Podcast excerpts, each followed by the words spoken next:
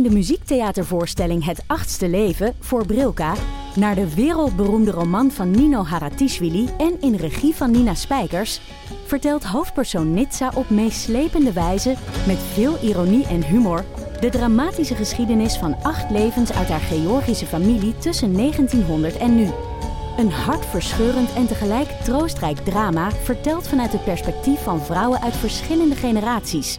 Waarbij het publiek meegenomen wordt op een emotionele, visuele en muzikale reis door de 20ste eeuw. Koop je tickets voor het achtste leven via oostpol.nl. Ja, dames en heren, we hebben net besloten dat Hanneke vandaag Nienke is. Als ze de tekst kan vinden. Dan ben ik Uh, Anne. Hanneke is nu... eh, eh, Alex is Anne. ik ben eh Laurens Tedam vandaag. Het er dan weer over hebben? Nee, Nee, we gaan het er niet oh, weer nee. over hebben. Ik Nee, vond het nee, vorige nee, keer zeker al, Niet, eh, zeker niet. Nee, zeker niet. Eh, maar Nienke is er dus niet. Het is vakantie, denk ik, bij haar. Is het vakantie bij haar? Zeker, het is vakantie bij haar en ze zit in een of ander park. Met kinderen in een of en ex-man. Wij hebben net met z'n drieën wat gedebatteerd over de onderwerpen. Ja. En het is echt weer een bonanza aan dingen die we gaan bespreken. Chockvol zit het programma. Chockvol, chockvol. Ehm Alex wil het hebben over shotjes. En over het feit dat hij zich oud heeft gevoeld afgelopen week. Wederom. Wederom. Hanneke, je had een winkel en luizen. Maar niet, dat gaat niet samen volgens mij. Nee, het zeg maar het onderwerp winkel, het onderwerp luizen. Ik had Ja, geen ja, luizen. Nee, je hebt geen luizen. En ik wil het even hebben over een man die ik heb gezien met twee dochters in een restaurant. Oké. Ja. Eigenlijk kunnen we nu gewoon alweer stoppen, want we hebben het gewoon al allemaal verteld. Dat was het. ja, dat was het. Zonder Nienke is het toch efficiënter. Ja, Nienke wordt ook altijd, Ja. die, die moppert ook altijd een beetje op ons. Dat we het verkeerd doen. Dat mis ik nu wel. Want nu doen we het verkeerd zonder dat we het doorhebben. Nienke heeft een boek gekregen. Dat, had, eh, had ik, had ik dat verteld. Ze heeft een boek gekregen hier. Ni- Nienke krijgt zoveel boeken hier tegenwoordig. Want ze maakt dan die geschiedenispodcast. Nou, daar worden boeken over opgestuurd. maar sinds ze met Willem Dudok ook die ellende over de Olympische Spelen doet... krijgt ze dus ook boeken opgestuurd over eh, zwemmers met één been. eh, Die dan kampioen worden. Maar dat boek heet Kampioen 2.0. Dat vind ik dus echt mega lullig. Terwijl een zwemmen- kuttitel wederom. Zwemmen met één been is gewoon überhaupt een super goede titel. Voor allerlei boeken zou dat een goede titel zijn. Je Voor hebt mijn biografie. heb, je, Ja. heb je niet een boek geschreven, Zwemmen met één been? Niet dat ik weet, maar Oh. er zijn wel vaker onopgemerkt boeken van mij uitgekomen. Maar dan, eh, ja, dit kan toch weer terecht in het blokje kuttitels. Nou, Arthur Chapin van vorige keer.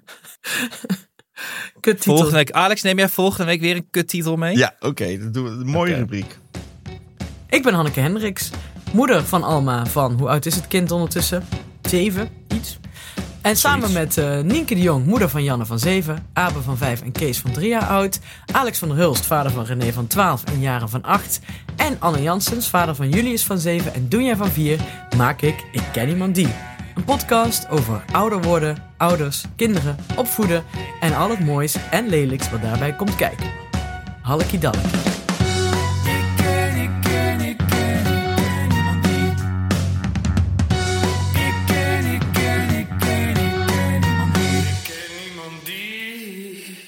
Jongens, beetje, hebben we er een beetje zin in? Nee, jij bent nu Nienke, dan, dan, Ja. dan open jij zeg maar het bal. Ja, eh, Alex. Ja. Vertel jij eens even over. Wat, want het was heel leuk, want we waren dat agendaatje aan het maken. En toen, eh, toen zeiden, wij, zeiden wij: Alex, heb jij nog iets meegemaakt? En toen zei jij niet van ja, ik voelde me deze week weer oud. Nee, jij zei. Waarom voelde ik me deze week ook alweer oud? Ja, dat is een Ja, goede intro. is maar dat. het is ook omdat ik... Dat zijn eigenlijk nu, nu, eh, nu me alle, blok, alle Tetris blokjes in mijn hoofd op zijn plek vallen. Zo voelt het af en toe eh, in mijn leven. Mm. Eh, bedacht ik, dat is een tweede ding ook waarom dat ik me oud voelde. Maar dat was omdat ik een boek over TMF had gelezen. En Ja. Eh, toen las ik dus, eh, toen was ik, ik was helemaal vergeten dus dat wij, wij, nou ja, ik deed het niet, maar ik las het wel, dat wij sms'ten naar TMF en dat dat dan in zo'n tekstbalk onderaan eh, verscheen in beeld. S'nachts ook. Of was het Eh, de ja. hele dag? Ja, de hele dag kon je dat doen volgens mij. Maar s'nachts ging je dat wel eens doen als je dan dronken thuis kwam met vrienden. Dan ging je dan, dan zag, was je heel blij dat je dan je eigen tekst op het Ja, maar dat was volgens mij omdat je ook op RTL volgens mij dat kon doen. Bij de Telcel of de spelletjes of zo. Ja, Was er ja. niet ook bij TMF een teletextpagina die heel druk eh, bezocht werd? Met zo'n eh, forum of zo? Ja, je had een chatforum. eh, dat was er ook nog. En je, had, je kon mensen raten. Dat je twee mensen zag. eh, en dan kon je stemmen over wie je het knapste of het leukste vond of zo. Twee fotootjes onderaan in beeld. Zeg maar, Oh. het begin van Facebook was dat, Precies, toch? dat was echt het begin van Facebook, ja. Face rating. Maar dat kun je nu niet meer voorstellen. Nee, dat, dat was kan toen in, in, de, in E- Engeland noemen ze dat trouwens de naughties. De jaren Oh ja, nul. de naughties, Ja. ja. Maar goed, Eh, dat was niet hetgene waar ik me, waardoor, ja, Oh, dat sorry. was ook het, Ja. ook het Maar las jij dit boek voor je aanstaande promotie? Dat dacht ik, ja. Alleen eh, er stond eigenlijk niet zoveel in eh, eh, voor mijn eh, aanstaande promotie. Het was meer een soort sociologisch eh, media eh, boek. En Waar, was het een nieuw boek? Of Ja, ja, ja. Met, redelijk obscuur. Van Jaap Kooijman, de Amsterdamse communicatiewetenschapper. De muziekfabriek heet het. Het was wel een heel gedoe over bij wie TMF nou hoorde en wilde horen. En, eh, en Lex Harding natuurlijk, die zat er ook in. En eh, of het dan bij MTV ging komen. En waar het dan op de kabel kwam, was, was ook nog... eh, ja, ook oude, oude mensen ding natuurlijk. Dat wij moesten strijden over wat er op onze kabel te zien was. Ja, en op welk net het dan kwam Precies. natuurlijk. Zet hem op negen. Vooringesteld. Ja, zet hem op 9. Ik had hem op 9 hoor. Op het TMF? Ja, ja, ja. Op Ik had net vijf Zeker op negen. weten. Ellie McBeal. Nee, net vijf is daarna toch voor nog? thuis. Wat? Is net vijf daarna niet nog eens? Ja, dat is misschien wel een stuk later. Ja, dat klopt. Ik weet niet wat er allemaal in, eh in op, eh, op de kabel te zien was. Ja, ik heb wel nog vaak, als er dan bijvoorbeeld bij Ik Vertrek mensen naar eh, Luxemburg gaan, die dan geen Luxemburg spreken, dan roep ik altijd heielei koekelei. Want? Weten jullie dat nog? Nee. Die kan ik niet even, nee, die kan ik niet plaatsen. Dit is nou echt oma verteld. Ik stop even mijn pijp zo. Maar ehm, eh, toen RTL 4 dus kwam, dat heette toen Mhm. nog Veronique, Veronique. ehm, moest, volgens mij heb ik dat hier al eens verteld. Nou ja, maakt niet maar. uit. Ehm, moesten ze via Luxemburg uitzenden, want anders konden ze geen, eh, volgens de Nederlandse wetgeving, geen commerciële zender eh, eh, maken. Ja. En om in Luxemburg uit te zenden en toch deels een Luxemburgse zender, hadden ze dus op, om zes uur s ochtends of zeven uur s ochtends een Luxemburgs nieuwsprogramma. En dat heette Heielei Koekelei. En ik weet eigenlijk nog steeds niet wat Nee. het betekent. Het zal wel iets van, hallo mensen, goedemorgen of zoiets betekenen. en, dat is, en dat is in mijn, in mijn brein gegrift. Want ik had toen nog een soort helemaal schone harde schijf waarop alles blijft zitten. En dan onthoud je dus allemaal super oninteressante dingen. Maar ja, zat jij dan elke ochtend om 7 uur het Luxemburgse nieuws te kijken? Nee, maar dat stond gewoon in de, in de, in de, in de gi- tv-gids. En dan dacht je, heielei koekelei. Maar je hebt nooit gekeken. Ja, ik heb het wel eens gezien. Ik heb herinneringen aan dat je dus daarnaar keek en dat je dacht, ik versta dit niet. ja, nou ja, dat was het. Maar goed, Maar goed, eh, eh, over eh, oud ja, voelen. oud nu voel ik me ook oud. Eh, ik moest een artikel schrijven voor het Universiteitsblad nog. En eh, ik was gepaard met een eh, jonge, jonge aankomende redacteur. Wij gingen iets schrijven over succesvolle studentencafés in Nijmegen. Want het thema was de nacht. En eerst was het idee nog van, ja, gaan jullie dan op reportage? Maar dat viel een beetje in het water. Was misschien maar goed, want wat, wat hadden wij daar, wat had ik daar moeten doen op donderdagavond eigenlijk? Sterker nog, eh, het blijkt dus, was ik helemaal, eh, het blijkt dus dat de donderdagavond helemaal geen studentenavond meer is. Die is inmiddels woensdagavond geworden. Zo vroeg, die zijn, zo, ze zijn steeds eerder begonnen. Ja, misschien wel, ja. ik weet ook niet waarom. Het was een is beetje het ondu- woensdagavond geworden? Wat gek. Ja. Wist ik niet. Nee, wist ik ook niet. Eh, Maar dit past wel in het plaatje. Ja, want jij stuurde ook een artikel door uit, wat was het? New York Times of zo? Eh, dat jongeren steeds vroeger naar bed gaan ook. Ja, dus misschien is alles gewoon opgeschoven. alles is vroeger nu. Ja, misschien is dat gewoon een standaardregel, ja. Nee, inderdaad, eh, de, de Gen Z'ers schijnen heel vaak om negen uur naar bed te gaan. Ja, Heerlijk. niet. Heerlijk. Ja, wat wel een beetje, nou ja, dat werd dus ironisch besproken in The Guardian dan weer. Om ons hele blokje eh, highbrow eh, media af te vinken. Waarin zo'n eh, Engelsman voor iets, iets, nog iets ouder dan wij eh, dat ook ging doen. Maar de hele tijd dacht, ja, maar dit zijn net de uren waarop ik helemaal opbloei na negen uur. Wat moet ik daar? dan ga ik dan liggen verslapen. Ja, dat blijken dus Ja. de jongeren te doen. Nou, Ah, fijn. Eh, ja, woensdagavond dus gaan die studenten allemaal eh, naar de kroeg. En eh, ik was in, in die kroeg, in, eh, om precies te zijn, in de Fuik in Nijmegen. Waar ik Oh, vroeg- leuk. De, de fuck noemden wij dat altijd. Waar ik vroeger dus ook al niet kwam. Ehm, nee, ja. Ik kwam als student ook niet in studentencafés. Nee, kwam ik kwam wel eens in de fuik. Als er niks meer... Daar ging ik dan wel heen als, als je zeg maar... Precies, waar iedereen, überhaupt al niet meer belandt, zo goed kon lopen. waar iedereen s'nachts belandt. Daar was het Zwemmen met één been, dan ging je naar de fuik. Uitgaan 2.0 met één been. Ja. Ehm, nou ja, en ik zat daar rond te kijken. En daar hebben ze dus nu allemaal nieuwe dingen. Waaronder de shotjes krokodil. En, Ja. en ratje draaien is ratje draaien. Als je een rat ziet in een café, dan weet je... Hé, hey, ik ben in een studentencafé. Ik moet hier weg. Maar jij stuurde dit door en ik herkende het niet. Nee, Wat dan? Eh, ik herkende het niet. die krokodil of het ratje draaien. Nee, ik, ik, ik, ik Allebei. had geen idee waar jij was. En Ja. ik, dacht, ik dacht dat je op apres-ski was of zo. Nou ja, weet je wat ratje draaien was? Eh, bij ratje draaien moet je dus aan een rad draaien, waarschijnlijk voor geld. Ik weet ook niet precies hoe het werkt. En dan als je dan eh, eh, een van de tien nummers hebt, dan eh, krijg je die prijs. Maar dat zijn allemaal shotjes. En die hebben dus ook hele rare namen die ik allemaal niet kende. Zoals Gold. Maar was dit eh, participerende journalistiek? Nee, want het was om eh tien uur s ochtends. Het was non-pas. Jij hebt een, een stuk geschreven over het uitgaansleven van de student in Nijmegen. te- Toen je, en je bent om tien uur s ochtends naar het café gegaan. Ja, kwam wel heel goed uit. Toen had ik net een gaatje. Je bent gewoon de brakke barman gaan interviewen. Ja, precies. Ja. Maar die liet ook studenten gewoon eh, eh, de bar draaien. Dus eh, hij zelf eh, was ook niet zo brak.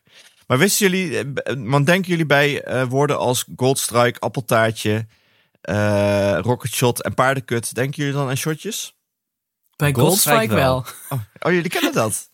Ja, ja dat is vreselijk. Ik Oh, heb ja, wel eens in, in Diogenes, zo'n eh, zo'n studentendanscafé in Nijmegen, wel eens iemand een brandende Goldstrike zo vanaf, met een gestrekte arm zo brandend in zijn mond zien gieten.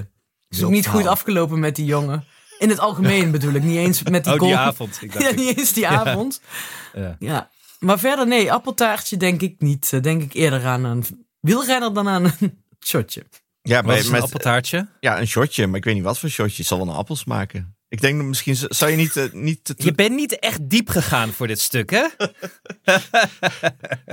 de vraag was van het stuk, de centrale vraag was niet hoe smaakt een appeltaartje, maar waarom is de ene kroeg nog populair en de andere niet? Ja, dat vind ik eigenlijk wel een goeie. En ben je erachter gekomen? Als je nou nee zegt, dan kunnen we gewoon naar een ander. Enigszins. Volgens mij moet je, moet je geen hippe kroeg hebben die hip is. Want eh, wat in ieder geval in Nijmegen hip is, of populair is, zijn gewoon echt uitgewoonde kroegen als Twee keer Bellen, Bascafé, De Fuik. Die Ja. waren al druk toen wij studeerden. Ja, maar die zagen ook precies hetzelfde uit destijds. Gewoon hout, een beetje uitgeleefd. Eh, iemand zei van ja, het is gewoon, eh, niemand moet er iets mee hebben, zodat iedereen er iets mee heeft. Ja, maar ze veranderen wel het assortiment. Dat was altijd Precies. bij de Blauwe Hand, wat natuurlijk ook al 100 jaar, of nee, 500 jaar er hetzelfde uitziet. Daar zei mijn baas altijd, je moet wel zorgen dat het assortiment, dat je voorblijft op wat mensen willen drinken. Ehm, en verder lopen die studenten gewoon achter elkaar aan. Een beetje in dezelfde, dezelfde plekken waar eh, die s'nachts open zijn. Dus als je daar zit eh, en je trekt veel studenten binnen, dan eh, zit je goed. Dat is het een beetje. Maar je hebt geen, eh, geen paardenkutje gehad voor dit artikel. Nee. Maar wat, wat, Alex, Alex, wat was het moment dat je je dan zo oud voelde? Ja. Ja, die shortjes krokodil. Ik dacht, wat is dit dan? Waarom staat er hier dat krokodillenspelletje met die tanden hier? Maar dat bleek dus dan... Als je dan, eh, als die krokodil hapt, moet je een shotje nemen. Dus eigenlijk, het, het idee was ook, las ik later, en ik ben me dus gaan verdiepen, eh, dat je er vieze shotjes in doet, want anders is het niet leuk. Ja, precies. Het moet ook echt niet leuk zijn omdat dat die krokodil hapt. Ja, maar dat snap, toen snapte ik het niet weer. Maar dan zit je dus, je zit jezelf dronken te krijgen met vieze shotjes. En dat is dan leuk. Ja, dat is deze generatie. Oh, Dat is net als dat je dan paaseitjes koopt en er zit er één vieze in. dat vindt Alma heel leuk. Terwijl die, die gaat nog niet naar het café voor shotjes, denk ik. Ik weet niet wat ze nu aan het doen is. nog maar niet. Nog Maar niet. wat oh is het- wat- god. wat- Wat is er dan leuk? Ja, dan, dan, dan, dan, dan dat, is, dat is een beetje spannend. Dat is een soort challenge. De challenge. Het afzien. het is een challenge-generatie. Ah, oké. Ja. Ja, ja. Ik had het ook op apres-ski. Ik had een rondje Willy Bernes besteld. Wist ik veel wat het was. Ik dacht, het is leuk. Vond ik vies, joh. Waar smaakte het naar? Perensnaps. Snaps. Maar ik, vind, ik, ik dacht dat het tequila was. En ik mag van mijn eh, vrienden geen familie, en familie geen tequila meer drinken. Hoezo niet? Vertel eens. Eh, eh, ja, dat is een. eh, part, ik heb daar wel participerend onderzoek naar gedaan, Alex. Hmm. En dat is niet goed afgelopen. Ik vind het dat een je- beetje een soort. In tegenstelling tot jouw artikel werd dit voor mij wel een soort fear en loving in Las Vegas. Eh, Ik kan me er weinig van herinneren, maar ik weet wel dat ik een verbod daarna heb gekregen op tequila. ja, maar ik vind het jammer dat je hier dus dingen niet vertelt. Ja, maar ik kan me niet herinneren. Nee, maar weet, dat eh, is je wel verteld. Ja, er zijn wat dingen stuk gegaan. Ah. Wat relaties, wat spullen, wat deukjes in mijn ego. Je hebt dus niet een hele leuke dronk. Dat wist ik niet. Ik dacht dat je heel vrolijk Ik, zou nee, ik, ik heb een opvallend gezellig gedronken over het algemeen. Maar dat is een omslagpunt. Eh, Asterix, tequila. Ga niet goed. Ga niet goed. Oké. Mag ik dus niet meer. Mag ik niet meer. Maar voor de rest, hele leuke dronk. Oké. Ik weet, hoe kwam hierop? Eh, dat je die... Wanneer die, Alex zich uitvoelde. Die Zwit- Oh, maar ja. Wat, nee, die ja, Zwitserse voelde- shotjes, dat die zo vies waren. Ja, ja, ja, ja, ja, dat is toch wel leuk om te doen. Die- Iedereen zien afzien is toch, dat creëert een band. Hmm. Ja, ja. Klopt wel. Ja, dat en een klopt verhaal. wel. Ja. Dat is andere weet je nog, generatie. die Willy Berners. Maar goed, wij, jij, wij hoeven dat niet. Nee, wij hoeven dat niet. Oh. Nou, Alex had het denk ik wel gehoeven. Ik had, het was wel leuker geweest als hij wel een paar eh, brandende goldstruikjes naar binnen had gewerkt. Die woensdagochtend, wat mij betreft. Maar brand. ja. allemaal van die open vlekken daar. Ja, precies. Dat hij de volgende week met allemaal korsten zo op zijn kin. Alex, wat heb je gedaan? Ja, ochtendje in de vijf. Ja, maar het is ook wel. Het is ook. Oké, ik hou erop. Want we hebben het elke week over hoe vervelend het is dat we ouder worden. Maar ik mag nog één ding toevoegen. Ja, mag ik daarna ook één ding toevoegen? Wat ik dit weekend had.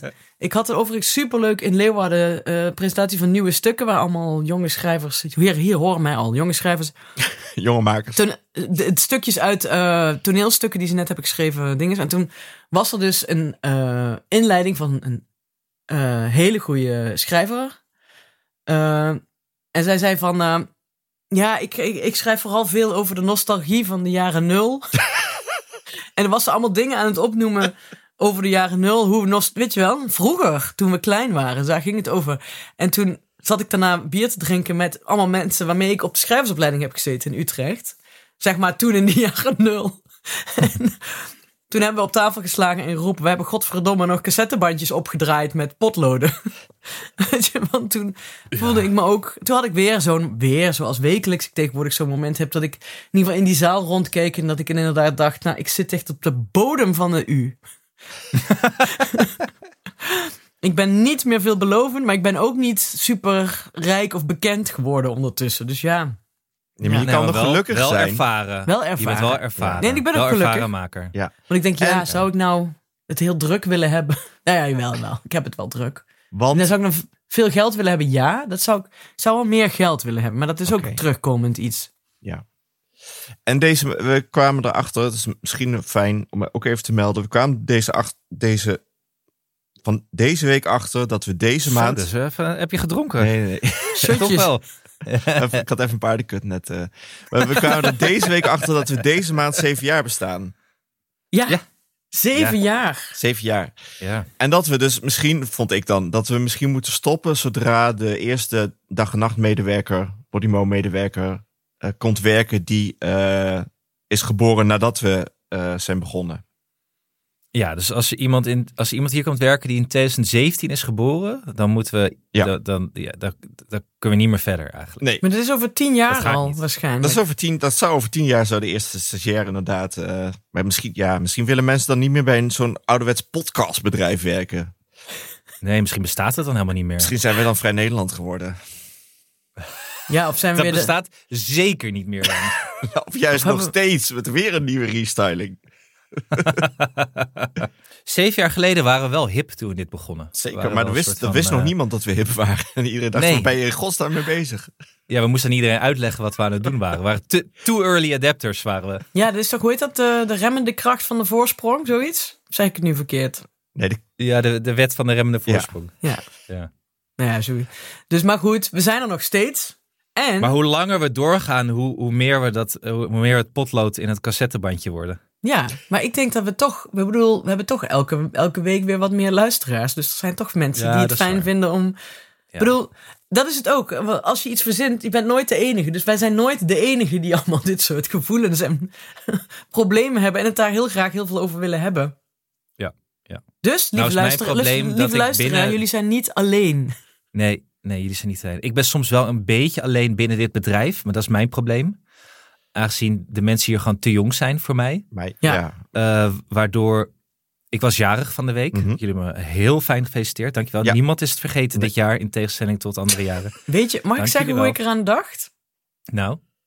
Jeroen Sturing heeft me eraan herinnerd. Oh, wat erg. Is dat nou Wel, wel lief van hem. Dat wou ik even zeggen. Even Ja. credits, anders strijk ik credits op. En dat doen we al vaak genoeg, dat we credits opstrijken die Jeroen toekomen. Jeroen Sturing zei, vergeet je niet dat Anne jarig is vandaag. Ja. Is dat niet lief? Ja, is wel lief, ja. Ik Jeroen- dacht Jeroen eh, echt dat je het gewoon... Ik dacht dat je het gewoon op de wc-kalender dit keer gewoon had gezet om het niet weer te vergeten. Nee, maar heb dat ik is nu dus niet gedaan. Zo het geval. Oké, ja. Dus volgend jaar zie ik het wel op de wc. na, zeven, na zeven jaar zit ik toch op de wc-kalender van Hanneke. En dus ik voel me toch vereerd.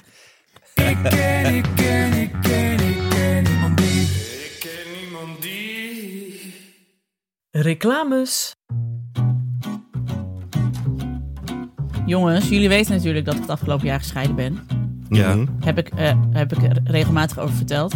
Maar wist je dus ook dat je dat ook bij de Belastingdienst allemaal even goed aan moet geven? Dat het ook gevolgen kan hebben voor je belastingzaken. En daarvoor ben ik dus gegaan naar belastingdienst.nl slash scheiden. Oh, ze hebben een eigen pagina daarvoor. Handig. Zeker. Want daar heb je dus de persoonlijk scheiden checklist van de Belastingdienst. Want dan krijg je inzicht in wat er geregeld moet worden rond belastingzaken bij een scheiding. Vanaf vandaag kun je belastingaangifte doen over vorig jaar. Ben je vorig jaar gescheiden, dan heb je de gegevens van je ex-partner nodig bij je aangifte. En kan het slim zijn om nog één keer samen en als fiscale partners aangifte te doen. Want daarmee wordt de kans op fouten het kleinst. Als fiscaal partners kun je inkomsten en aftrekposten in 2003 nog één keer gunstig verdelen. Doe de scheidenchecklist op belastingdienst.nl slash scheiden om te zien wat jij nog meer moet regelen als je uit elkaar bent. Kom je er niet uit? Een beetje extra hulp is nooit ver weg en ga dan naar belastingdienst.nl slash hulp. Want ja, ik bedoel, laten we eerlijk zijn. Die scheidenchecklist van de Belastingdienst heb je nodig omdat je na je scheiding wel wat meer moet regelen dan alleen CD van jou, CD van mij. Hè? Mhm. Had jij de cd's? Eh, ik heb wel de meeste boeken gekregen, daar ga ik heel eerlijk over zijn. Boeken van mij, boeken van mij. Heb je ook wel tegen je, je ex gezegd dat hij eventjes naar de Belastingdienst eh, pagina over scheiden moest? Ja, hij is daar erg. eh, hij vindt dat allemaal interessant om uit te zoeken. Dus hij is ook naar belastingdienst.nl slash scheiden gegaan voor meer informatie. En om die checklist in te vullen. Nou, dan weet je waar je aan toe bent. Precies. belastingdienst.nl slash scheiden.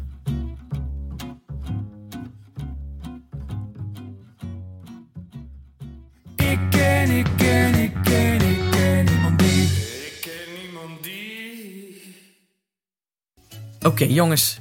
We hebben een cadeautje van ICM. Leuk, ik wil, vind het cadeautje leuk. Ik ook, ik hou van Ja, cadeautjes. gratis spullen. nee, ICM heeft het ICM Groeiprogramma in het leven geroepen. En dat is een gratis, gratis webinarreeks. Eh eentje kun je al terugkijken. Eh, die staat gewoon online. Dat is belemmerende overtuigingen. Hoe buig je ze om? Nou, het is voor ons sowieso eh, wel handig om die in de achterzak te hebben. Ja. En er komen er nog twee. Eh, zelfcompassie. Eh, hoe kun je vriendelijker omgaan met jezelf? Alex, die is denk ik speciaal voor jou. Ja. En op woensdag 6 maart heb je ook nog selfcare. Hoe vaak zet jij jezelf op nummer 1? Anne Janssens. Wel vaak. Ja, wel vaak? En wat is dan het verschil tussen eh, gezond egoïsme en echt egoïsme? Dat kun je dus leren in, die, eh Dat is in wel dat belangrijk. programma van ICM. Dat, dat is wel Dat is een dun koordje. Ja, dat is een Ja. dun koordje. Ja. Want je hebt ook het hele zweverige egoïsme. Mhm. Daar, zijn we niet zo van. Nee. Nee. Helemaal niet van. Daar zijn we niet van. Maar je moet wel goed op jezelf letten. Dat is belangrijk. En daar zijn tips en trucs voor. En dat vinden we wel belangrijk. Ja. Ja, Dat je dat goed doet. Precies. Want eh, ICM gelooft in een leven lang leren zodat je gelukkig wordt als professional, maar dus ook als mens, jongens. Ja, want ik wil dat, dat, dat wil ik dan misschien eh, uit persoonlijke overtuiging even dat punt maken. Je hebt dus eh, inderdaad mensen die het een beetje eh, te veel met zichzelf bezig zijn. Maar je hebt dus, wat heel belangrijk is, vind ik zelf dan, is dat natuurlijk om je heen van alles wordt geroepen wat je moet doen. En dat je dan op een gegeven moment denkt, dat ga ik niet doen. Ik ga het lekker op mijn eigen manier doen en, naar mezelf kijken. Volgens mij is dat de gezonde manier. Ja, want de thema's kunnen wat zweverig aanvoelen, maar er mag best worden vermeld bij deze eh, programma's dat het om praktische webinars gaat waar iedereen wat mee kan. En dat ICM ook zeven keer is verkozen tot beste opleider van Nederland. Dus het is niet gewoon even een cursusje dat iemand eh, eh, op, zijn, op, op, op zondagavond in elkaar heeft geflanst. Nee, kunnen wij niet zeggen van onszelf. Nee, ja, wij flansen alles op zondagavond in elkaar. We zouden onszelf eens wat eerder... eh, dus, lieve mensen, ga naar icm.nl slash groeiprogramma en meld je gratis aan. En kijk de opgenomen, eventueel al opgenomen eh, eh, afleveringen gewoon lekker terug. Heerlijk. Heerlijk, gewoon doen. Dus check icm.nl slash groeiprogramma. Terug naar de show. Over je verjaardag. Ja, wat wilde ik ook weer zeggen? Oh ja, ik was dus eh 41 geworden. Ehm, eh, wat mij betreft het nieuwe 40. En eh, ik, sp- eh, ik sprak Til net en die eh, vroeg hoe, hoe oud ben je geworden? Toen zei ik 41. Toen zei ze, oh, ik dacht 40. Nou, en compliment. ik heb dat toch opgevat als een, ja, maar ik heb het toch opgevat als een belediging. Ik ben Mm. toch wel gewend dat mensen zeggen, nee, jij? ik, zou zeggen, ik zou zeggen 34 of zo. Ik ben eraan gewend geraakt. Maar ik denk dat dat dus ook voorbij is. Ja, dat gaat Ja. allemaal voorbij. Je schuift op een gegeven moment... Ja, gewoon dat, dat, het leven in dat als je een feestje opstapt... dat niet iedereen meer opkijkt en zegt... Wie komt er binnen? Er komt er gewoon iemand binnen die niemand ziet. Dat is het. Dat is, het, dat is denk ik het gevoel dat ik heb bij 40 zijn. Onzichtbaar. Ja, terwijl daarvoor was het altijd... eh, als, ik, als ik ergens binnenkwam, dan kwam ik ook binnen. Oh, dat had ik was, ik was er gewend aan dat mensen dan keken als ik binnenkwam. En nu kijkt er niemand meer. Alex heeft geen idee waar je Nee, ik over weet hebt. wat het is. Nee, Dus ik ze. hij heeft geen idee. Ik kreeg altijd vraag, ben je hier al lang? Eh, of eh, ben je hier net? ja. Alex kwam nauwelijks binnen, volgens mij. Nee, Die is, is Alex geweest? Oh, die heb ik helemaal niet gezien. ik ben zoals Homer Simpson die uit die struik zo komt. eh, ja. of verdwijnt. ja, nou, ik zit bij je in de struik ondertussen. Nee, ik stel me aan. Ik stel me aan. Ik kom nog steeds ergens binnen. Ik zal meer herrie maken gewoon. Maar Ik zeggen, ja, jij maakt nog steeds grande entrees. Precies. Je struikelt toch wel weer over die, eh, over die drempel. Misschien moet ik van die Karen Bloemenjurken gaan dragen. Caroline van de Plas eh, kleding. ja. Ja, Oh, wat vertel even Hanneke. zijn? Vertel Als toch even dan- Hanneke over Vinted. Nee, dit is wel dit is een vergezochte eh, brug voor mensen. Maar dat komt omdat wij van een XL-kleding op onze WhatsApp-groep naar eh, Caroline van der Plas waren geswitcht. Omdat zij haar truitje binnenste buiten verkeerd om aan had gedaan. Waarop het- XL-label vrij goed zichtbaar was voor de camera. Niks mis mee met is. XL? Nee, ni- niks mis mee, maar het was wel grappig. Ja, nee, ik, eh, ik vertelde de- op de appgroep ook vrij woest. Want ik was vanochtend, ik had heel veel koffie gedronken en ik was heel moe. Dus eh, toen vertelde ik heel woest dat ik me echt kapot erger op vind het aan mensen die heel dun zijn, die hele grote kleding showen. Dus dat iemand een XL broek aan heeft, dat je denkt, ja, maar je hebt maat S. En die hebben dan die broek echt zo mooi strak met wasknijpers, zodat het denkt, dan, dat, nou ja, goed, daar word ik boos van. Laat Maar waarom hebben die mensen XL-broeken? Ja, dat weet ik ook niet. Maar ja, ik kan ze ook niet gaan mailen om te vragen van... wat de fuck, waarom, heb jij, waarom verkoop jij een XL-broek? Oh ja, dat vind ik nog irritanter. Dat is wel een reden waarom iemand die S heeft een XL-broek zou verkopen. Is dat er soms zijn... Ik ben heel veel afgevallen, dus ik pas hem niet meer. Dat staat er wel eens in de... In de dan denk ik, wat de fuck? Ik word hier nou gedist. Gewoon, terwijl... Ik, ik, ik kijk, Ik vind klik het gewoon... heel leuk dat Vint het voor jou een grote trigger is geworden. Woest vindt het. Ja, moest. Andersom vind ik trouwens wel weer fijn. Hij is mij te klein geworden. Dan denk ik altijd, ah, heerlijk. Kijk, dat is iemand waarmee ik kan praten. Ja, maar dan koop je het ook weer niet. Nee, ik, ik koop sowieso altijd kleren die te klein zijn. Want hoe werkt dat dan? Dan zat ik laatst, ik zat laatst eh, me- meestal eh, eh, bovenkleding, denk ik, dat komt wel goed bij Vinted. Maar broeken, denk ik, ja, dat, kan, dat komt veel moeilijker. Ja. Komt veel te nauw, in mijn geval. Ik wou het niet zeggen, ja. nee, nou, maar is echt een soort Koop je dus heel veel wat je, dus moet, allemaal eigenlijk geld weggooit. Ja, je moet, nee, je moet eigenlijk... eh, ehm, eh, wat ik altijd bij broeken vaak wel doe, is dat je een beetje... Eh, eh, En ja, ik vraag wel eens afmetingen. Dan zetten er ook wel vaak afmetingen bij. Dan kun je gewoon meten of die jou past. Ja. Of merken die je al hebt, want die, die Dus kloppen ja, meestal wel. Gewoon hetzelfde. En ik, maar ik koop heel vaak dingen die, eh, waarvan ik denk, ja, ik denk niet dat ik erin pas. En dan verkoop je ze weer of gooi je ze weg. Nee, dan. Ik vind Dan dat hoop wel ik dat een ik afval. De, de afmetingen weten. Ik denk niet dat Alex de afmetingen weet van zijn eigen onderlijf. Nee, nee, dat zou ik even op moeten opmeten inderdaad. Ja, dat heb je zo gedaan. Maar ik zei pas tegen Doris, ja, maar dat past dan wel als ik dan eh, die vijf kilo ben afgevallen. En, toen... en dat zei, bedoelde hij niet gemeen, dan zei hij, lieve schat, het gaat toch niet gebeuren? Oeh, dat zou ik niet moeten zeggen, denk ik. Want, nou ja, maar hij heeft wel gelijk. Ja, dat weet ik, maar dat... Want ik ben Ja, al, ik ben toch, al, we nee, hebben nou dun- 13 dun jaar ijs, relatie. Ik ben al ijs. 13 Ja, jaar dat- 15 kilo, 5 kilo aan het afvallen. Ja. Ja, maar toch. En ik heb inderdaad, zoals Anne ooit zei, ik heb nog 15 kilo te gaan. ja. Was Nee, hij zei niet het ook op een hele al- lieve manier. Zo Maar- van, vergoeilijkend. Schat, het is wel goed. Laat toch maar. Laat zitten, joh. Ja, oké. Maar Ja. had je niet toen Anne vijf kilo afviel dat je dacht, yes, het kan dus toch. Nee. Nou, ja, Hoef- afgunst je hoeft mij niet ik. zo neer te Ik zetten. voelde zo. afgunst. En ik dacht, ik heb geen zin om drie keer in de week te gaan padellen. Een plankton te eten. Plankton. Hebben, he- hebben jullie padel in Bergharen eigenlijk? Nee, maar ik heb wel een schoolhekvriend die padelt soms twee keer per dag. Die is echt helemaal verslaafd. Waar dan? Oh. Weet ik, heeft hij gezegd, ben ik vergeten. Waarschijnlijk is de Oh, achtertuin. laten we bruggetje Bergharen. Ja. Een nieuwe winkel. Er is een nieuwe winkel in Bergharen. En de hele dorpsstamtam stond op stelten. Ja, hebben jullie moeten lachen? Ik, heb erg echt lachen, ja. scheef gelachen. Wat, wat, wat, wat postte ik? Allemaal screenshots Eh, een van een een enorm foto- opgeronde gesprek.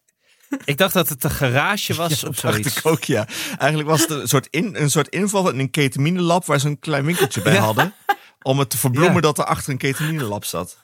Dit is wat je vaak leest op teletext, waarachter dan zo'n drugsafvalput schuil gaat. Ja. Zo zag het Want het eruit. was een loods ook. Ja, want weet je, kijk, stel, stel je woont in een gewoon wat grotere plaats, bijvoorbeeld of een stad. Woerden. En er komt naast, in, in jouw Woerden, ja, wijk komt er een heel leuk sportcentrum, zwembad, annex, mooie biologische winkel. En dan hoe mensen dan in een appgroep zouden zeggen, jee, er komt dit. Nou, bij ons ging het dus zo dat eh schoolhekvriend Joris in een appgroep heel groot ineens...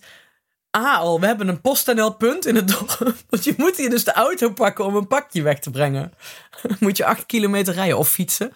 En we hebben een PostNL-punt en kijk! En echt bijna met tranen, je las de tranen in zijn ogen. Er is een winkel bij en ze hebben wijn. en toen stuurde hij een foto van een loods met echt... ja, gewoon hele random spullen. Gewoon Heel een kapstok, random, ja, zelfs de een kapstok, een fles wijn, feestartikelen. Vlaggetjes. Ja, het is echt, toen was ik aan het denken, om met Nienke te spreken, het is een soort Euroshopper action. ja.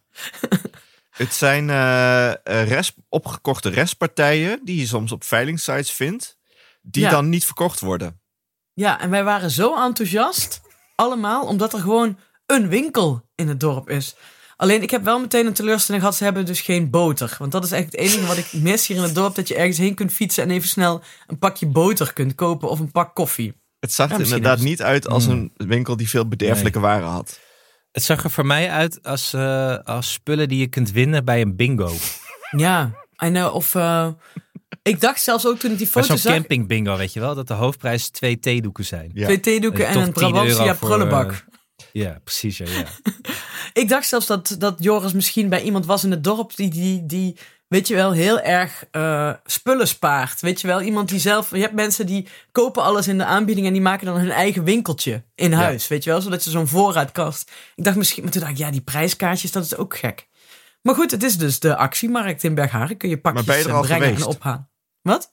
Ben je er al geweest? Heb je al een pakje moeten wegbrengen? Nee, ik dacht, ik moest eigenlijk op safari gisteren daarheen. Had ik bedacht zodat ik het jullie vandaag zou kunnen vertellen. Maar ik ben het vergeten. Oké. Een seniorenmomentje misschien. Ja, dat denk ik. Maar eh, als ik er ben, zal ik eh, foto's maken. En eh, ik raad iedereen aan in Bergharen om. eh, nou, ga, daar ga daar even heen. En Joris was ook heel erg enthousiast, want toen hij daar was, zag hij gewoon dat iemand een pan van 15 euro was gekocht. En het was, ik zag op de foto, het zijn geen aanmerkpannen. Nee, volgens mij zijn dat de Teflonpannen die niemand meer durft te gebruiken vanwege de PFAS. Oh, en toen dacht ik, misschien is het wel een witwaszaak. Misschien moet ik dit helemaal niet in de podcast bespreken, want dan komen ze me vermoorden. Oh ja. Nou ja. Nou, ik weet niet, ik weet een niet of dit... witwaszaak in Bergharen te beginnen en dat je dan in een podcast geout wordt. Het is wel ver gezocht. Ik Ja. vind het wel weer een, een mooi thema voor een fictiepodcast. Dat je een setting hebt waarin jij in de podcast het hebt over een nieuwe dorpswinkel. Waarna die mensen daarna achter jou na zitten. Omdat ze kennelijk geen vergunning hebben om die winkel daar te hebben. En je proberen te vermoorden. Alleen voor restpartijen die ze niet aan de bingo kwijt Ja, konden. maar dat wel. Hmm. Maar aan, aan de andere kant, hoe ga je ongezien een granaat aan de, eh, aan de deur van Hanneke Hendricks hangen in Bergharen? Het is dus zo, als je niet eens al met je auto in een niet. sinkhole kunt rijden hier in de straat zonder dat iedereen je filmt. En dan geout wordt in een Bergharen, filmpje. Dat kan niet Bergharen. Is wel je zo Moet, trouw. je moet echt een ninja zijn. om Ik zou echt een Precies. real life soap volgens mij kunnen maken van alle ringdeurbellen waar ik langs loop de hele dag. Nou, misschien wel een idee. Nou goed, dit geheel terzijde. Maar dat was een klein hoogtepuntje hier in het dorp. Ja. Ik was dus in Vlieland de afgelopen dagen. Op. Sorry, op Vlieland. Eh, met de kinderen en Mia was mee. En die krijgt dan de hele tijd appjes op haar telefoon dat er activiteit is bij de voordeur. ja, waarom? Sorry. Zitten gewoon ergens rustig en dan moet ze weer kijken wat er bij de voordeur aan de hand is. En dat is gewoon steeds niks, een kat. Of Nee, is gewoon... gewoon een vrachtwagen langs gereden. Dus dan ben je eigenlijk nog steeds een beetje thuis op je vakantie. Ja, je bent in ieder geval de hele tijd bezig met je telefoon. Omdat je aan het kijken bent, wat is er in hemelsnaam aan mijn voordeur gebeurd? Maar ja, het was wel leuk op Vlieland trouwens. Hmm. Ik, was, ik dacht, het was een beetje een spontaan uitje. Hoe kwam je daar zo bij Vlieland? Ehm, nou, ik, ben er, ik was er dus nog nooit geweest op Vlieland. Jeetje. Nee? Oh, Nee. ik hou echt Nee. van Vlieland. En ik dacht, we hadden niet veel dagen om weg te gaan. Maar ik dacht, ik wil wel even het gevoel hebben dat ik echt eh, even weg ben geweest. Mhm. Een soort van even vakantiegevoel. Het was geen Ik dacht, top ik weer. neem een- Nee, het was geen topweer. Wat voor huisje Maar- zat je? In een hotel bij het strand. Oeh, ja, die ken ik, heb ik ook wel eens gezeten. Ik ben even de naam vergeten. Ja, is gewoon zo'n het best buffet? western volgens mij. buffet was prima. Er waren eh, American pancakes, dus Julius was blij. Er is een zwembad. nou, kijk, dat is, dat is eigenlijk dus alles wat wij ook nodig hebben. Ik wil het gevoel hebben dat ik weg ben geweest en de kinderen willen een binnenzwembad en Mia wil een sauna. Dus dat zijn altijd de drie parameters die ik moet invullen. Waren er mensen in pyjama bij het eh, ontbijt? Oh, goede vraag, Alex. Mijn kinderen. Mijn kinderen. Oh, maar ik hoorde, ik las laatst ergens dat er een nieuwe trend is dat eh, jonge, jonge vrouwen een speciale pyjama hebben voor het ontbijtbuffet van hotels. Nee, het waren nog steeds wel van die vrouwen in leggings. Ja, nee, denk, die niet. Ik denk niet dat ze die Nee. bedoelden. Sorry.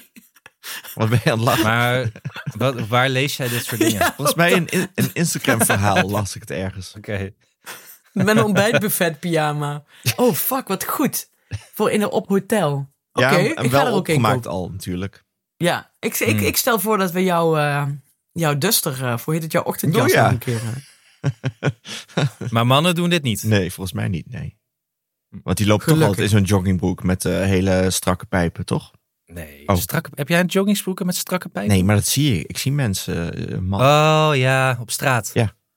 Ja, dat is wel waar. Nee, dat soort mannen komen niet in het hotel nee, Vlieland. nee, dat klopt natuurlijk. Wie er wel was, en daar wil ik het even over hebben eigenlijk. Er was, zat dus een, eh, een man, ik denk een man van eh, onze leeftijd, met twee dochters, twee jonge dochters. Oh. Nou, wat zullen ze zijn geweest? Iets, ik denk twee en vier of Zo. vijf of zoiets. Ja. En ik zat er toch een beetje naar te kijken, want ik ben ook wel vaak op pad geweest met, eh, met Julius en Doei en dan met z'n drietjes. Eh, en ik had me nooit echt gerealiseerd dat ik toch het, denk dat je toch een attractie bent als man in je eentje met twee kinderen in een hotel. Ja. Want zo keek ik wel een beetje naar die man. Dat ik wel ging fantaseren wat, eh, wat zou de situatie zijn. En er waren ook vrouwen eh, met alleen hun kinderen. Mhm. Maar daar heb ik dan wel minder bij, moet ik zeggen. Oké. Vind ik, dat vind ik dan toch... Normaler. Merk ik aan mezelf dat ik dat normaler vind. Ja, dat merk ik aan mezelf. Je wilde eigenlijk een duimpje opsteken naar die man. Eigenlijk wel, ja. ja. Maar dat is en eigenlijk heb je niet niet tegen hem gezegd, natuurlijk. hey, ik ben ook vaak single vader. Ja, wat wil je? Nee, Dat je een clubje nee heb ik begint. niet gezegd. Maar ik vond wel dat hij goed bezig was. Ja. Hij was heel kalm. Ik denk ook dat alleen eh, kalme vaders eh, dit doen. Ja. Eigenlijk. Dat is mijn veronderstelling. Nee, je ziet niet... En dan eh, schaar ik me misschien ook op- meteen hierbij onder de noemer kalme vaders. Waarvan ik niet zeker weet of ik ben, maar ik denk het wel. nee, je zou niet... eh, je, je kan je niet voorstellen dat Marcel van Roosmalen met zijn drie dochters in een hotel op Vlieland zit, toch? Nee, maar het was wel heel leuk Dat zou heel leuk zijn geweest, ja. Ja. ja. Die was zeker in zijn pyjama bij het ontbijt aangeschoten. Zeker, te laat Ja. ook. Te laat, ja. Zijn kinderen waren al lang weg geweest, denk Oh, ik. heerlijk. ja, want ik denk dat Eh, het dan... maar dit- nee, mijn vraag aan jullie was: eh, delen jullie, denken jullie die mening te delen? Dat een man met twee kinderen in een hotel toch meer een attractie is dan een vrouw met twee kinderen alleen? Helaas, helaas, maar ja. Ja. Het zou niet Ja. hoeven, inderdaad, maar het is wel zo. Doris vertelde pas nog dat hij, eh, hij had een keer eh, meegeholpen op school. Was hij de Ranja-moeder bij zo'n sportdag of zoiets. En hij zo, ja, ik, ik moest, het enige wat ik hoefde te doen is, drie, is, is tien kannen Ranja maken en bekertjes vol schenken. En hij zo, terwijl ik daar stond, zijn er echt vijf vrouwen op mij afgekomen om te vragen of ze me moesten helpen. Terwijl hij zegt, ik weet heus wel hoe ik Ranja inschenk. en toen dacht ik, ja, Ja, maar is hier gewoon was dat, denk ik iets anders aan de hand. omdat mensen niet gewend zijn dat er een vader mee komt helpen. Ja, maar dit, dit, dit waren misschien ook vrouwen die dachten, wat een leuke man. Nee, ja, dat sowieso. Ik zeg wel eens tegen Doris, als ik ineens doodga, jongen, dan moet je ze echt van de voordeur wegslaan waarschijnlijk. Ja, maar hij, heeft zo'n, hij neemt zo'n ringdeurbel dan. Dus hij ziet al die activiteiten bij de deur en die swipe die gewoon weg. ja, nee, want, want er was uh, gisteren was er bij ons luizenkammen op school. En een van mijn schoolhekvriendinnen was luizenmoeder. En er waren ook alleen maar luizenmoeders. Er waren geen luizenvaders. Mhm. Nul. Nee, die bestaan niet. Wel? Nou ja, Alex. Ja, de enige. Je bent de enige Oh, luisteraar. Maar Nee, wat ik dus nee. niet wist, Ja. mag, ik, over- wil- mag ik een bruggetje maken naar hier naartoe? Of moeten we nog Ja, ja, bij ja, Vlieland nog wat... Was ik klaar met Vlie- Vlieland? Goeie vraag. Ik denk het eigenlijk eh, wel. Ja, Nou, we komen zo nog even terug. Ik heb nog één vraag over Vrieland. Ga even over die luizen Oké, ja. en neten. Nou, eh, want eh, ik heb dus ook braaf als een, als een moeder. Alma's eh, haar enorm lopen luizen kammen. Terwijl ze volgens mij geen luizen had. Want ze had geen jeuk of iets in die richting lopen kammen. Dus. Ehm, maar zij zei dus eh, dat die dus niet luizen meer kammen met een kam. Maar met een stokje kijken of kinderen luizen hebben. Ja, dat kan toch ook prima? Ja, dat wist ik niet. Oh. En dat als je kind dus luizen heeft, dat, want er was op de hele school maar één kind dat luizen had, vond ik echt heel zielig.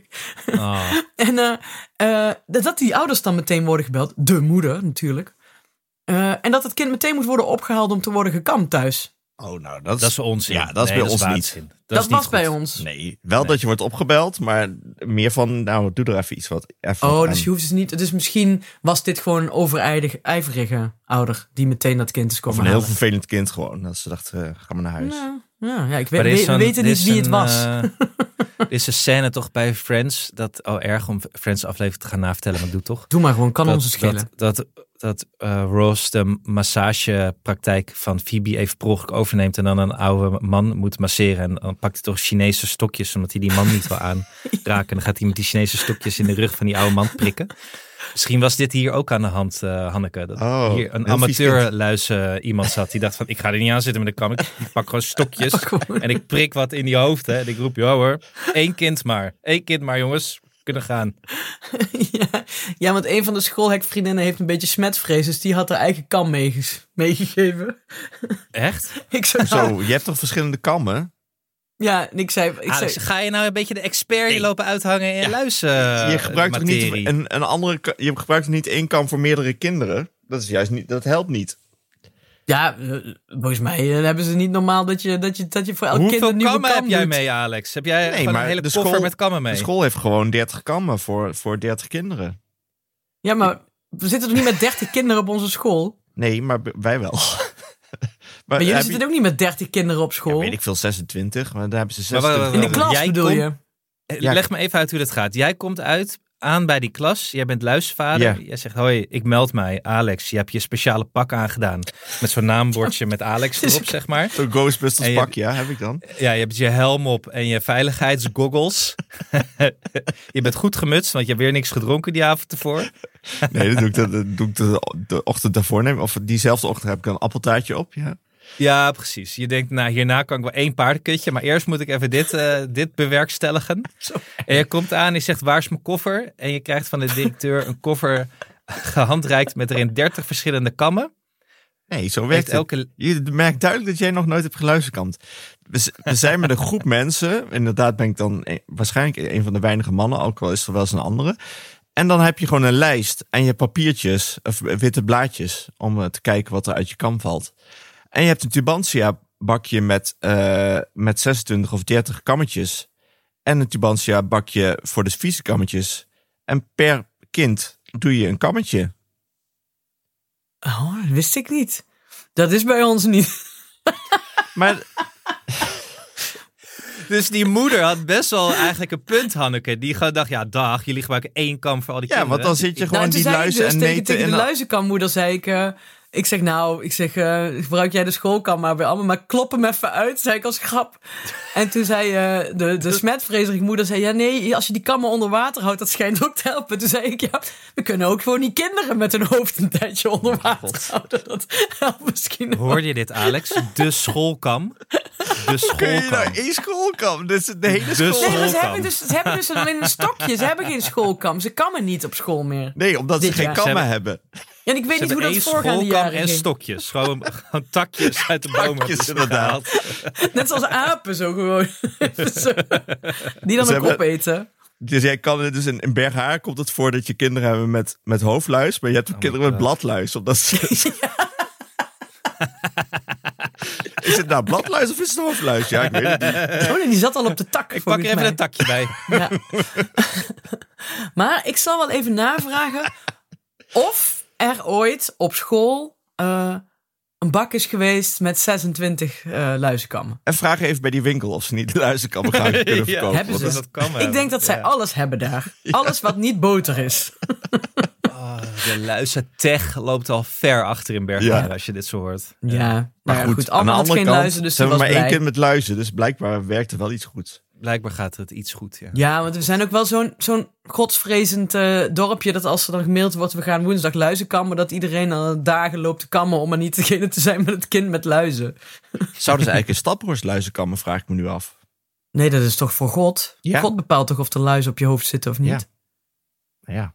Ja, maar God kan toch ook bepalen, jij bent de uitverkorene om te kammen? Ja, nou, dat is, ik vind het een goede vraag. Het is iets Ik anders dan vaccineren, vind ik. De luizenkam schoolhekmoeder wel allemaal YouTube filmpjes. Eentje van eh, eh, de Vlooien Mars en een van Kalf Kammen van eh Extins. Je bent lekker productief geweest. Stap, Ze plakken in Staphorst ook wel pleisters als iemand op zijn Ik weet valt. het allemaal niet, Anne. Dat weet ik niet. Kom eens even rond de tafel, moet je horen wat er is gebeurd. Maar nog even een vraagje over Vlieland. Want er is wel Ja. een ongeluk gebeurd. Wat dan? Nou, dat Ik zit te zoeken, ik zit te graven in mijn geheugen wat je bedoelt. met een bal. Oh ja, oh, dit was even, dat was een klapper dit inderdaad, ja. Ja. We hadden één bal mee, de goede bal, zoals jullie ze hem noemt. En eh, we waren op het strand aan het spelen met die bal. En het was echt windkracht 8 volgens mij. En op een gegeven moment eh tikte ik de bal de, de verkeerde kant Ja. op. Dat hij met de wind mee het, naar de zee Ai, waaide. jouw ik wil fout. achteraan rennen. Jouw fout. Maar er zit zo'n punt in dat je achter een bal aan het aanrennen bent. Dat je denkt van, de bal heeft op dit moment meer vaart dan ik nog kan Precies. zetten. Ja, Heel komisch gevallen? is dat om te zien. Dus dit is kansloos, zeg Ja. maar. Ik kan wel blijven rennen, maar ik ben ook niet meer de jongste. Hoewel, ah, het gaat. Ik voel, me, ik voel me goed, zeg maar. Ik voelde me goed. Maar met volle vaart over het strand rennen met wind in de rug, maar die bal gaat harder, was wel zo'n was zo'n klap dat ik het opgaf. Eh, en toen zag ik dat een hond mij voorbij snelde. en die, die was een stuk sneller. En die rende naar die bal en die wilde mij helpen. Was in principe, in principe een lieve hond. Dus die pakt die bal en brengt mij die bal. Zo, ik moest het uit zijn mond Heel halen. enthousiast. Heel lief. Maar ja, natuurlijk, bal kapot. Ja. Hm. Bal lek, gaat in de bal. Eh, en die mevrouw van wie die hond was, die voelde zich heel erg schuldig. Want die hond had niet geluisterd naar die mevrouw. Want ik hoorde wel iemand riepen stop, stop, stop. Ik dacht dat het tegen mij was, maar ik was al lang gestopt met rennen. Maar ja, anders was je die bal toch kwijt geweest. Precies. Ja, dat denk ik dus ook. Maar je weet niet precies hoe het loopt Nee. Ja. Ja, met zo'n bal. maar het was wel lief van die hond dat die jouw Ja. bal kwam halen. Ja, dat was wel lief, ja. Maar die was ergens in zee geraakt en dan was hij denk ik wel stil komen te liggen. Dat was, tenminste, daarom was ik gestopt met remmen. Ik dacht van, ik moet... Ik denk dat hij naar de zee gaat, maar ik denk dat hij dan weer de hele tijd terug wordt gespoeld aan wal. Dat was mijn hoop. Met de wind. Ik met de niet. Nee. Ik denk toch dat jij eigenlijk hier de schuldige was. nou, niet schuldig in elk Wel. geval. En toen? Nou, hoezo En ik toen? nou En toen? En Ik toen? kan niks doen aan die omstandigheden. En toen? Toen eh, zei die mevrouw, ik betaal de bal. Ik zei, nou, dat lijkt me niet het probleem. Het grootste probleem is dat ik hier twee huilende kinderen op dit moment heb. Wat En dat is uw schuld! Ja, is niet mijn schuld. Eh, maar toen gingen we naar de strandtent, het badhuis. Eh, en toen kwam die mevrouw daar naar ons tafeltje. En die gaf Julius en toen je alle twee 5 euro. Zo, Nou zeg. kun je vier ballen van kopen. Ter compensatie van de bal. Ik zei, dat hoeft echt niet. Maar Julius die eh, had het al lang gretig aangenomen. En riep door die strandtent, ik ben rijk! Ik ben rijk! Eindelijk ben ik rijk! Ja, is ook- Goed zo, jongen. Eh, ik ben rijk. Eindelijk heb ik 5 euro. Ik heb nog nooit 5 euro gehad. Hij was zo blij. Dus het was wel goed wat die mevrouw deed. Dus, eh, en dit, be- dit, dit bepleit maar weer mijn theorie dat alles te koop is eh, bij kinderen. Alleen En dat, mensen dat zo- en dat mensen ook wel gewoon geld echt- moet geven. Dat de meeste mensen vriendelijk zijn. Nou, oké, dat ook. Dit was wel een vriendelijke mevrouw. Ik vond dat ze zich wel iets te schuldig zich opstelde. Ja. Ja. dat is een vrouwenprobleem. Daar moeten we mee ophouden, collectief. Ja, want ik wist me daar... Ik, ik had al echt vaak gezegd, het hoeft niet, het hoeft niet, het hoeft niet. Maar ja, Maar heeft Vlieland een Intertoys? nee. Nee, maar wel winkels waar je alles hebt. Zoals eh, bij de actiemarkt in Berg. Ze zijn wel leuke winkeltjes daar, moet ik zeggen. Ik vond het een leuk eiland. Ik wilde er wel weer naar terug. Superleuk, ja. En het voelde als vakantie, dus wat dat betreft was de opzet, opzet geslaagd. Heb, je- he- Het was ook niet te lang, want dat vind ik ook niet fijn. ja. Is er wel een bal gekocht met die 5 euro? Of gaat het Nee joh, dat hebben ze in een spaarpot gedaan en daar kijken ze nu naar. jammer eigenlijk? Ja, Dat is wel Ik bedoeld heb wel voor een eens- nieuwe bal kopen. Dat is hartstikke duur voor mij dit. Ik heb wel eens achter een vlieger aangerend voor Alma. Omdat, we, omdat Alma de vlieger losliet. Op het strand. En toen dacht ik... Hoe kunnen die mensen dat bij Kamp van Koningsbrugge zo 16 uur over het strand rennen? Ik viel echt na twee stappen al. Gewoon omdat het zand zo mul is. En toen ging, dat, eh, ging die hop in de plastic soep. Ja, dat was heel erg. Oh. Nooit meer teruggezien, die vlieger. Dat is een klassieke teleurstelling, toch? Dat je dat Ja, zoiets ziet wegvliegen. Ja, Ja, ja. Ja. Ik hoop niet dat Bojan Slat meeluistert. sorry Bojan. Sorry Bojan. Ja. Maar ik heb hadden ook ook, herinneringen eh, als kind dat er wat mijn ballon wegvliegt. Dat zie ik gewoon van alle weinig. Ja, ik heb daar een trauma aan. Dat ik op Koninginnedag de mooiste ballon had die ik ooit had gehad. En dat achter me een man liep en die heeft hem met zijn sigaretten uitge- kapot gemaakt. Oh, dat is nog veel erger dan gewoon Ja. zo gaat het in het leven. Is na iemand is actief bezig met iets wat jij mooi vindt kapot te maken. Maar dat is Amsterdam. was mijn moeder heel boos. Ja, maar- en het was Ja. waarschijnlijk gewoon Willem Holleder. Dus je kan er ook niks. Hij zou je ook niks. eh, hij zou ook niet, geen sorry zeggen. Ik denk ook dat het Willem Holleder Ja. was, ja. ja. Of Dino S. Ja, Dus je hebt het maar net overleefd eigenlijk. Ja, dit had he- heel anders kunnen aflopen. Ja.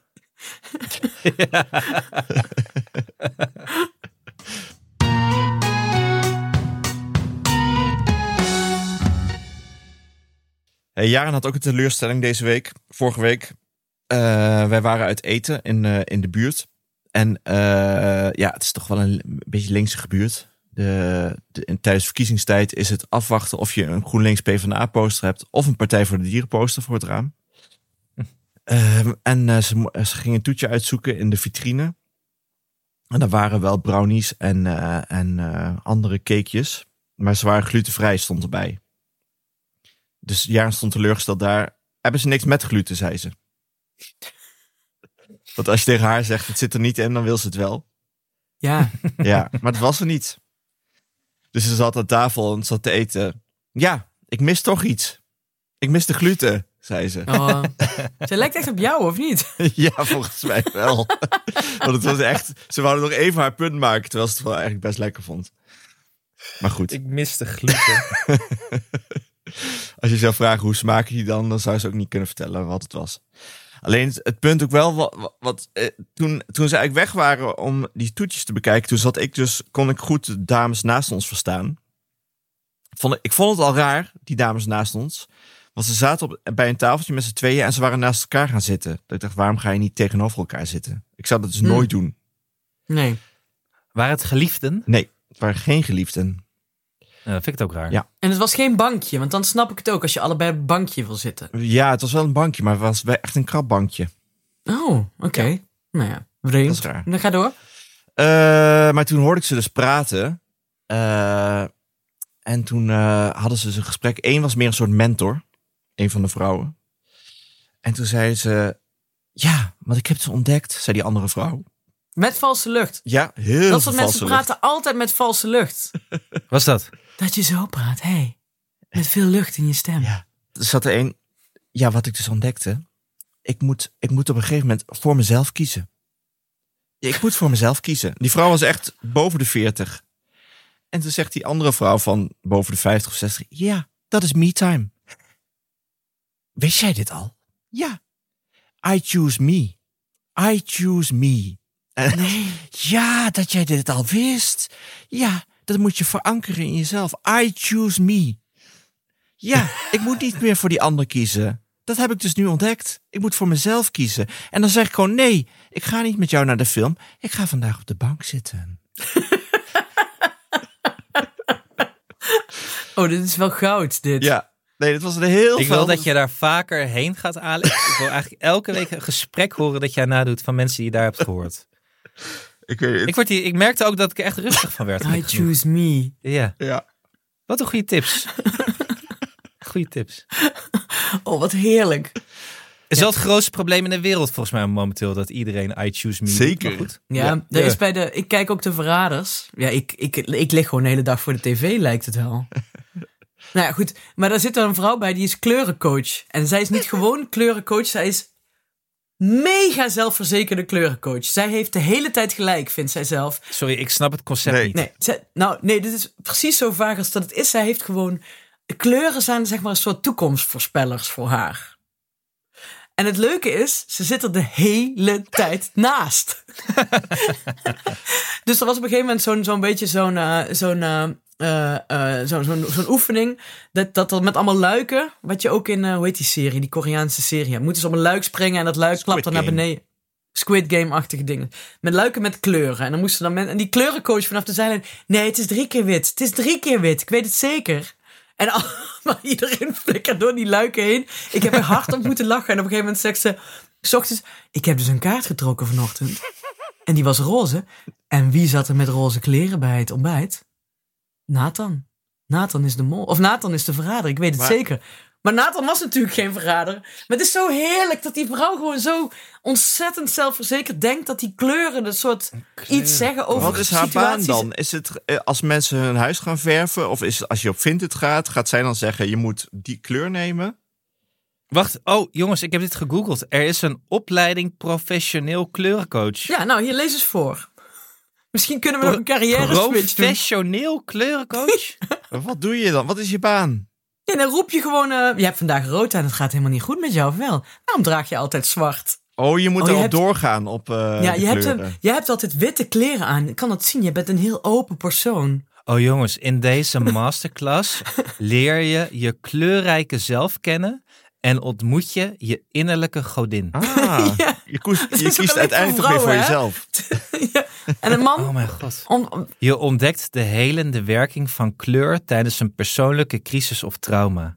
Je gaat bewust kleur kiezen om je wensen en doelen te bereiken. Alex, ik denk dat die mensen, die mevrouw waar je achter zat, was misschien ook wel gewoon een Ze had kleurencoach. wel een stapeltje flyer bij, flyers bij zich, alleen haar telefoon lag erop, dus ik kon het dat niet zien. Hey, kut. Haat Ik ik wist altijd. niet van het bestaan van Maar kun je als man ook kleurcoach worden? Want het klinkt een Ja, ze beetje het maar over- gendernormatief. Maar misschien kun je als man ook wel je innerlijke godin ontdekken. Ja, dat is waar zo. Ik zit misschien zelf nu iets te veel eh, Mm. in, in, in een gender eh, te denken. Ik vind trouwens wel jaren met er. eh, eh, ik wil alleen eh, eh, eten met gluten is enorm Larry David. Ja, heel Mm. erg. Heel Ja, goed. Ja. En- Waar is het eten met gluten hier? precies. Ja. En, en ik zit toevallig in een hele Larry David fase, omdat ik van alles aan het kijken ben. En ik moest ook heel bij die bal ook de hele tijd aan Larry David denken, omdat hij dus... Zo'n aflevering zag ik dat hij... Een man omhelst hem en die man heeft een bril aan een koordje. En door, in de omhelzing gaat die bril kapot. En die man zegt, ja, hoe ga je dit vergoeden? En hij zegt, ja, hoezo? Ik wil jou helemaal niet omhelzen, maar jij omhelst mij. En ik, waarom moet ik deze bril vergoeden? Hij zegt, ja, je moet deze bril vergoeden. En dat is natuurlijk wel weer als, als een Larry David die dan wil dat dat geld wel aan die bril wordt besteed en niet aan iets anders. Vind ik heel grappig. Ja. Ja, Oké, ik, is- ik heb, ik heb, ik, vroeger snapte ik Larry David niet. ik denk een jaar of, nou, wanneer heb ik dit gekeken? Ik denk een jaar of tien, misschien langer dan tien jaar geleden. Toen snapte ik het gewoon niet zo goed. Ja, En nu is het gewoon echt uit, uit mijn leven gegrepen allemaal. precies. Want die bal, daar kun je een hele discussie over hebben. Wie moet die bal vergoeden? Want jij, wij Ja. schopten mee met de wind. dus die hond, Ja. je had win mee! dus die hond die helpt jou eigenlijk gewoon. Dus waarom Ja. moet jij die bal vergoeden? En moeten die kinderen hem niet besteden aan die bal dan? En wat is dan de goede bedrag voor, voor die bal? Ja, ja. Oh, ja, heel goed. nee, heel veel dilemma's. Ja. Oh, ik ben echt weer, ik heb veel geleerd weer van jullie. Ja, We hebben hè? het over die, die hele koffer met kammen die eh, Alex ter beschikking Oh krijgt. ja, dat ga ik nog, eh, daar kom ik nog op terug. Ja, en dat ze denk dat ik. in Bergharen dus kennelijk met takjes doen. Dat is allemaal nieuw voor Dat. mij. De kleurencoach is helemaal nieuw. I Choose Me. Ja. Titel misschien van deze podcast, weet ik nog niet. Moeten we even over nadenken wat we, wat we daarmee doen. Wij willen wel, dit, dit zeggen wij de hele tijd tegen onszelf. Terwijl mensen aan ons been staan te trekken. Van kun je even dit voor me doen? Ja. Ja, is wel zo. Je kan wel roepen I choose me. En dan zegt ze ja prima. Maar kun je eerst even eh, iets voor me maken? Ik heb wel pas, om maar even nog heel kort even een anekdotetje over genderrollen en wat, wat, wat het moederschap soms, wat mensen denken dat het moederschap inhoudt. We hingen over, eh, wel met carnaval, over een staattafel met een stel schoolhek, vrienden, vrouwen allemaal. En toen ging het over dat de BSO, eh, die gaat geen vlees meer eh, op de hele dagen, zeg maar, dat ze daar lunchen serveren. Ja. Hele dagen. En dan- Ja, zeg maar, soms heb je een lesvrije dag en dan gaan die kinderen de hele dag naar de BSO en Oh, dan lunchen ja, ze op, dan hoef je ze geen broodtrommel mee te geven. ja, ja, ja. En eh, toen ging het erover en toen zei ik, waar gaat dit over? En toen zei heb je, die, heb, je dat, heb je dat mailtje niet gezien van de BSO? En toen zei ik, oh joh, ik lees dat toch allemaal niet. en toen waren ze heel... eh, toen waren ze wel of mensen. Toen dacht ik, ik kan ook een soort lichtend voorbeeld zijn als vrouw. Dat je gewoon ook het gewoon allemaal aan je voorbij kunt laten gaan. ja, desinteresse heb jij het eigenlijk gewoon over. Ja. Ja, maar het is ook een soort... I choose not to care. I choose me. I choose de verraders te kijken. Ja. Welke kleur is dat, Hanneke? Welke kleur voel je daarbij? Een soort van. Nee, ja, precies. Die kleur waar iedereen altijd discussie over heeft. Of het blauw is of groen. Ja, ja. lila? Is dat? Nee, is niet lila. dat is niet lila. Nee, is niet lila, sorry. Ik had magenta in mijn hoofd, maar dat is weer wat anders. I choose magenta. Some Van Dyke Brown. ja. Ja. Ah, veel, ik weet niet eens meer waar we deze podcast mee begonnen zijn. Altijd als ik de podcast dan terugluister, is het er weer een hele nieuwe aflevering voor mij. Het is alsof ik Precies. iets, voor, iets weer voor het eerst hoor. Dat is toch wat En dan vraag Ik jij na een week weer waar hebben we het over gehad. En dan, dan zijn we helemaal, we zouden het niet meer weten. Niemand weet het ooit. nou, ik vind Nee. het wel leuk dat wij toch allemaal zo navelstaderig zijn dat we onze eigen podcast ook nog gaan luisteren. ik doe dat wel. Ja, dat is wel met Nou, verstaandig of gewoon vergeetachtig kun je het ook zeggen. Nee, het is gewoon vergeetachtigheid niet meer, ja. Ja, Ach, en ik hoor jullie gewoon graag praten. ja. Ja. Ik moet gaan. Ja, ik doe de Ehm, aftiteling. Nu. Ja, is goed. Oké. Dat was hem weer. Dank aan mijn vaste tafelgenoten Alex van der Hulst en Annie Janssens. En Nienke de Jong, die is eh, ergens eh, in een soort... eh Zij kiest, zichzelf, zij kiest weer voor zichzelf. She chooses herself. Eh, de productie was in handen van Anne Janssens. De montage is gedaan door de getalenteerde Jeroen Sturing, die ook nog aan je verjaardag denkt. En mocht je ons iets willen vertellen, heb je een tip of een vraag of een opmerking, kom naar onze Vriend van de Show pagina en geef mij geld. Eh, voor een klein bedrag kun je dan vriend van de show worden, waardoor je ons de gelegenheid geeft om nog meer ballen voor onze kinderen, nee, mooie afleveringen te maken. Prullenbakken. Te kopen. Prullenbakken te Kan me kopen voor- bij de actiemarkt. Kan me voor Bergenharen. Zou een goede Eh, actie op zijn. Instagram heten we goede actie, ja. At ik ken iemand die. En ons mailadres is ik dag en nacht. En eh, als je heel snel antwoord wil, moet je appen. Maar dat nummer moet je gewoon even zoeken. Eh, dank voor het luisteren en tot de volgende.